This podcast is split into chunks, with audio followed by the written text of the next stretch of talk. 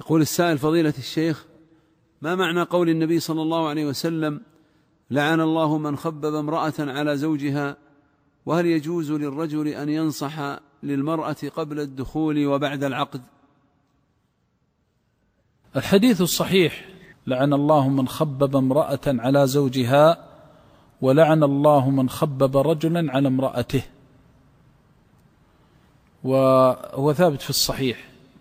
والمراد بخبب يعني أفسد.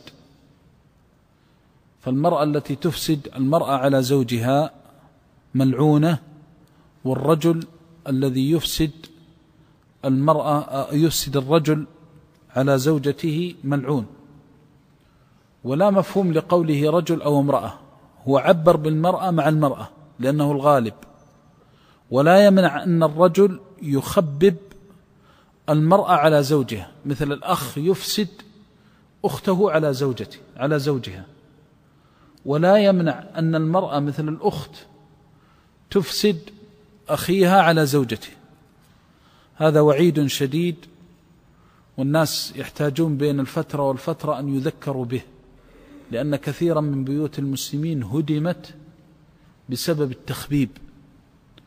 والمراد بالتخبيب الإفساد والإفساد غالبا ما يكون بالقول. أن تأتي المرأة إلى المرأة وتقول لها ماذا تفعلين في بيتك؟ فتقول كذا وكذا. فتقول لها لا لا لا تفعلي هذا. افعلي مع زوجك كذا وكذا. وتدلها على التمرد والنشوز وتحتقر نعمة زوجها عليها. تقول لماذا يشتري لك هذا؟ ولماذا لا يفرش لك البيت؟ ولماذا اشترى لك هذا الفراش وقيمته زهيدة؟ ولماذا يفعل بك كذا؟ ولماذا يفعل بك كذا؟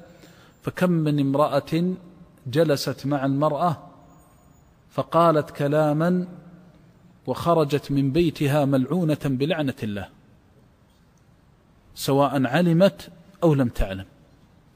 وأسوأ ما يكون من الإفساد أن تكون هذه المرأة حاقدة على الزوج أو حاقدة على أهل الزوج أو حاقدة أو غائرة أو فيها غيرة على الزوجة نفسها. فتأتي كأنها تنصحها وهي تريد أن تؤذيها. فهذا يجتمع فيه مع الذنب ذنوب ومع الخطيئة خطايا. وكثير من المشاكل الزوجية تأتي بسبب مثل هذه التصرفات. إذا ينبغي على النساء والأخوات الداعيات أن يذكرن النساء أن المرأة إذا دخلت بيتك فامنعيها أن تتدخل في أي شأن من شؤون البيت. لن تجد أصلح من الرجل مع المرأة إذا ترك الرجل مع زوجته. كثير من المشاكل تأتي بدخول الغريب ولو كان أقرب القريب. لكن أن تكون المرأة تتدخل في شؤون المرأة لتصبيرها لتعريفها نعمة الزوج هذا لا بأس به. أما أن تتدخل من أجل والعياذ بالله أن تفسد قلب الزوجة على زوجها تجد المرأة راضية بشراء زوجها لها في طعامها وشرابها وكسوتها وكسوة أولادها فتأتي والعياذ بالله فتقلبها رأسا على عقب.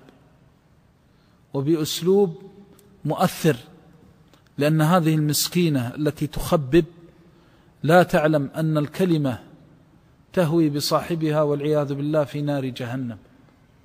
قال صلى الله عليه وسلم ثكلتك أمك يا معاذ وهل يكب الناس في النار على وجوههم أو على مناخرهم إلا حصائد ألسنتهم؟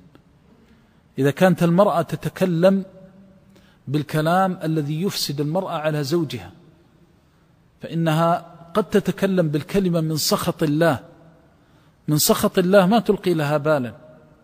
تقول لها لماذا يفعل بك كذا؟ ولماذا يقول لك كذا؟ كان النساء الصالحات الفاضلات إذا زارت المرأة تزور أختها من أجل أن تقوي إيمانها تسألها عن صلاتها عن عبادتها تعلمها صفة صلاة النبي صلى الله عليه وسلم تعلمها ذكر الله تعلمها فإن وجدت عندها خيرا ثبتتها عليه.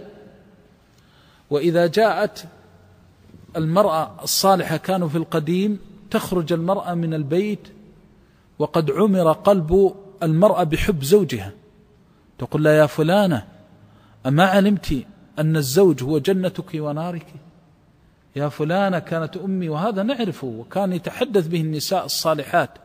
كانت المرأة إذا زارت المرأة تخوفها من حق الزوج والعشير. كانت تقول لها يا فلانة انتبهي لأولادك. إذا غفلت عن طعام الولد والشراب يمكن يذهب بك إلى النار. ما كانت المرأة إلا ناصحة.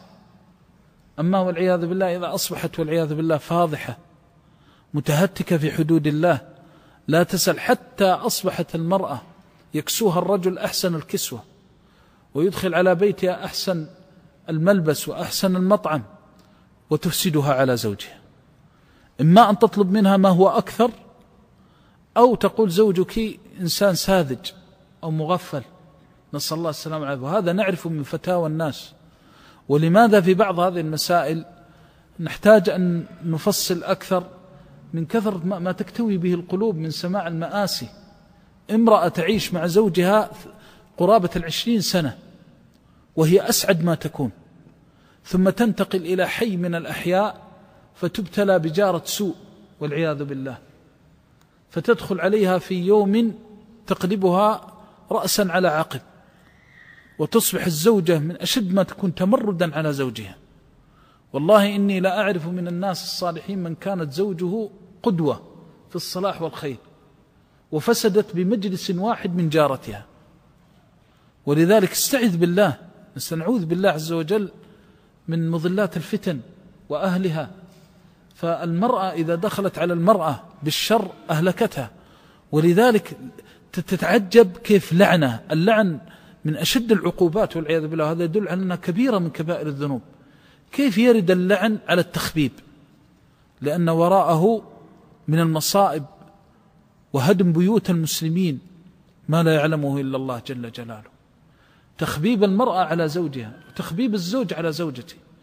يأتي الرجل ويزور الرجل فتأتي زوجته وتصنع له الطعام يتعشى من طعامها ويتغذى من طعامها ويأكل طعامها ويعيبها ويفسد زوجها عليها.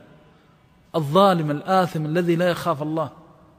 ولذلك من القبائح تحدث الرجال بما يكون بينهم وبين نسائهم وتحدث النساء بما يكون بينهم بين رجالهم. صحيح أن هذا في الأمور الخاصة لكن في الأمور الخاصة قد تهدم البيوت.